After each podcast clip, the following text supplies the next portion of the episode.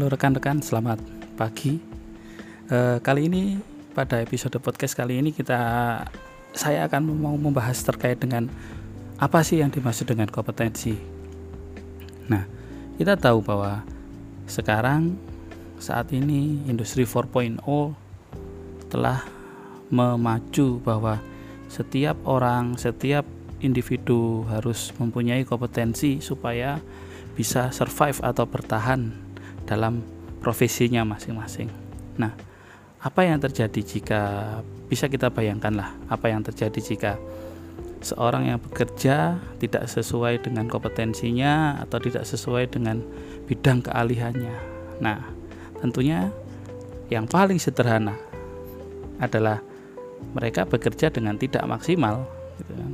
sehingga apa yang dia kerjakan juga seperti ogah-ogahan. Nah, kita coba kita tilik bahwa apa sih definisi kompetensi yang sebenarnya? Apa yang komponen yang ada di dalam unit kompetensi atau di dalam uh, definisi kompetensi itu supaya orang mampu memahami dan mampu menempuh apa yang menjadi bidangnya.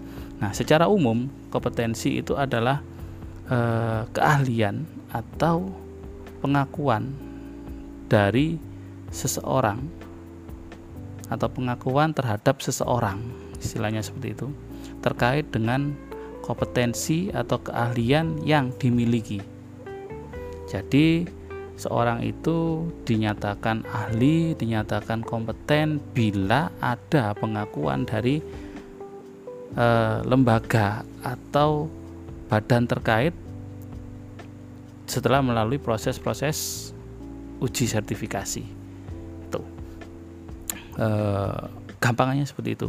Nah kalau kita meruntut pada definisi kompetensi gitu ya definisi kompetensi itu kita bagi menjadi e,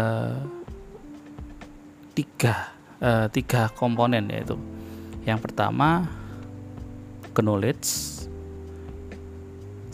yang kedua skill dan yang ketiga adalah attitude Nah, knowledge sendiri itu merupakan kemampuan seseorang untuk memahami, menganalisa, mengintegrasikan fakta dan informasi yang berkaitan dengan aspek pekerjaan, teknis pekerjaan. Ya. Sedangkan skill itu adalah kemampuan tugas sesuai dengan prosedur dan kinerja yang telah ditetapkan secara akurat, konsisten, dan ekonomis. Sedangkan yang komponen ketiga adalah attitude.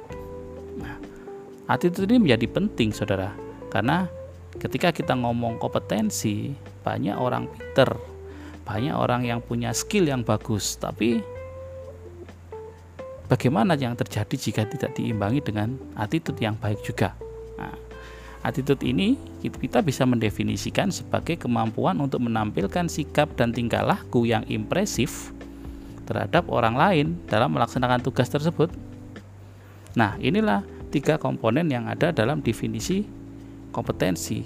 Jadi, antara skill, knowledge, dan attitude itu mereka saling beririsan. Nah, tidak mungkin orang dinyatakan kompeten tapi tanpa skill. Tidak mungkin juga orang dinyatakan kompeten tanpa attitude meskipun skill dan pengetahuannya sangat bagus sekali. Nah, inilah yang menjadi dasar utama atau pokok utama yang kita sebut sebagai komposisi standar kompetensi. Di samping itu, nah, kita bisa mendefinisikan bahwa seseorang atau ya pribadi atau seseorang yang kompeten yang yang bisa direkomendasikan sebagai seorang yang kompeten atau mempunyai kompetensi di samping mereka harus punya knowledge, skill dan attitude di dalam kompetensi terkait pekerjaannya. Nah, ini juga kita harus bisa menguraikan lima dimensi kompetensi. Nah, apa saja yang kita bisa definisikan di lima dimensi kompetensi itu antara lain adalah task skill, task management skill, contingency management skill, job role atau environment skill, dan transfer skill. Nah, ini adalah lima dimensi kompetensi yang harus dipenuhi dalam me, dalam mendefinisikan seorang itu dinyatakan kompeten gitu bahwa dia harus mempunyai task skill gitu. Task skill di sini adalah kemampuan untuk melaksanakan tugas atau kemampuan untuk melaksanakan tugas per tugas. Ada lagi yang kedua adalah task management skill. Kalau kita ngomong manajemen berarti kita ada hubungannya dengan manajer, manajerial atau e, pengaturan gitu. Bagaimana seorang seseorang itu atau mempunyai kemampuan untuk mengelola beberapa tugas yang berbeda dalam suatu pekerjaan. Misal ini kita dibebankan pada satu tugas yang eh, beberapa tugas, ya, beberapa tugas yang secara bersamaan dengan deadline yang bersama. Nah, inilah eh, tantangannya kita. Apakah kita mempunyai konsep task management skill? Di sinilah tantangannya. Yang selanjutnya adalah tes man uh, contingency management skill kawan. Bahwa dalam contingency management skill ini bisa didefinisikan sebagai tanggap atau respon kita terhadap adanya kelainan, kerusakan atau ketidakcocokan pada rutinitas pekerjaan kita. Nah, ketika terjadi seperti itu, Nah, bagaimana konsep kita atau pola pikir kita untuk memperbaikinya atau memberikan solusi terhadap suatu sesuatu permasalahan yang timbul. Inilah yang kita sebut sebagai task management, eh, sorry, contingency management skill. Nah, sangat kompleks memang kalau kita ngomong kompetensi. Gitu. Jadi kita harus punya konsep di mana antara pengetahuan, keterampilan, sama skill itu tidak hanya dalam satu konsep yang sederhana tapi harus kita mampu kita jabarkan dalam kompetensi-kompetensi yang lain atau dimensi kompetensi. Oke, kita lanjut bahwa selanjutnya yang ketiga, sorry, yang keempat dari lima dimensi kompetensi adalah job role atau environment skill. Nah, job role environment skill ini bisa kita asumsikan atau kita definisikan sebagai kemampuan seseorang dalam menghadapi tanggung jawab dan harapan dari lingkungan kerja. Jadi, ketika kita bekerja seperti itu, ketika kita melakukan suatu pekerjaan baik di ASN, baik di swasta, baik di mana pun lah, pokoknya suatu pekerjaan gitu. Nah, kita harus mampu juga merespon atau mem memperhatikan atau punya mempunyai tanggung jawab terhadap keberlangsungan ekosistem eh, di lingkungan kita, baik ekosistem individu, ekosistem apa ya, ekosistem lingkungan, ekosistem lingkungan kerja, ekosistem alam dan lain-lain. Nah, ini yang kita harus mampu untuk menjaganya. Gitu. Menjaga keberlangsungan ekosistem apa pun yang ada di sekitar kita atau khususnya di sekitar lingkungan kerja kita. Contoh kita sebagai seorang ASN, tentunya ekosistem yang ada di lingkungan kerja kita itu bisa jadi sangat tidak mendukung dengan kondisi yang seperti ini ya kan? E, kondisi pandemi kita berapa hari WFH berapa hari WFO nah ini sangat mempengaruhi kondisi lingkungan kerja kita. Nah ini kita juga harus mampu mengatasi ini. Seperti itu. Yang terakhir lima dari lima dimensi kompetensi atau dimensi kompetensi kelima itu adalah transfer skill. Bagaimana kita seorang ASN gitu mampu mentransfer kompetensi yang kita miliki dalam setiap situasi yang berbeda. Contoh misalkan kita dimutasi atau kita naik jabatan atau kita bekerja di bidang yang lain, tentunya kita mendapat situasi baru, tempat kerja yang baru, ekosistem yang baru. Nah, di sini kita juga harus terus dituntut untuk bisa mampu mentransfer skill.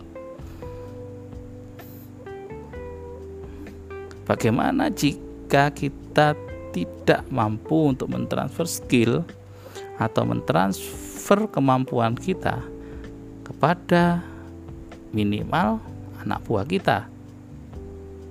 Berarti kita bisa didefinisikan sebagai seorang atasan atau seorang kepala bagian atau seorang kepala seksi yang belum kompeten. Mau kita? Tentu tidak. Oke. Hal ini sangat kompleks memang kalau kita ngomong kompetensi. E, transformasi ASN dari PNS menjadi ASN itu juga sangat mempengaruhi kompetensi kita, kawan. Logika kita dulu, gitu. logika kita dulu bahwa apa namanya, menjadi seorang ASN itu bekerja melakukan pekerjaan yang rutinitas dan uh, apa ya pokoknya bayar uh, apa bekerja dan tidak bekerja. Pokoknya saya ASN mindset itu sekarang di era industri 4.0 atau re, di era reformasi 4.0 gitu. Reformasi birokrasi itu sudah tidak perlu terjadi lagi kawan. Karena setiap dari kita sebagai seorang ASN gitu, harus mempunyai kompetensi dalam bidang yang kita geluti yang sebagai fungsional teknis harus mempunyai kompetensi teknisnya yang menjadi fungsional umum harus mempunyai kompetensi di bidang masing-masing Inilah yang menjadi komponen penting kalau kita berbicara tentang kompetensi, apalagi kita berbicara dengan kompetensi ASN. Gitu. Yang terakhir dari istilah kompetensi dan definisi kompetensi ini ada salah satu ada tujuh komponen penting yang bisa kita uraikan atau kita definisikan bahwa seorang yang dinyatakan kompeten juga harus mempunyai atau memiliki tujuh kompetensi kunci yang bisa digunakan. Yang pertama, mengumpulkan informasi. Yang kedua, mengkomunikasikan ide dan informasi tersebut, terus merencanakan dan mengatur kegiatan. Juga yang keempat, kita juga harus mampu bekerja sama dengan orang lain, baik indi, baik secara personal maupun dalam kelompok. Mampu menggunakan ide dan teknik matematika, mampu memecahkan masalah dan yang terpenting di kondisi saat ini, ya kan, kondisi saat ini bahwa kalau kita ngomong industri 4.0 seorang ASN dituntut untuk wajib melek teknologi kawan. Nah, ini adalah komponen-komponen penting yang bisa kita uraikan atau kita tempuh untuk menjadi seorang ASN yang kompeten. Tentunya kompeten di bidangnya, gitu, di bidang masing-masing dan tentunya paling tidak adalah mampu bertransformasi menjadi seorang pelayan publik yang baik yang uh, mempunyai kontribusi yang terbesar terhadap negara dan menjadi pelayan masyarakat, pelayan publik yang punya dedikasi yang tinggi untuk melayani Tentunya itu yang bisa kita obrolkan, kita bisa sharingkan di sini terkait apa yang kita sebut sebagai kompetensi. Mungkin di pertemuan atau di episode-episode podcast berikutnya kita bisa menguraikan bahwa dari kompetensi tersebut kita breakdown lagi kepada kualifikasi kerja nasional. Jadi di kualifikasi kerja nasional tersebut nanti bisa mengukur kemampuan kita berada pada level berapa dan apa yang harus dipenuhi ketika kita berada pada level kualifikasi tersebut. Mungkin cukup menarik, tapi kita sambung di podcast episode berikutnya. Terima kasih, sampai ketemu di podcast berikutnya. Assalamualaikum warahmatullahi wabarakatuh.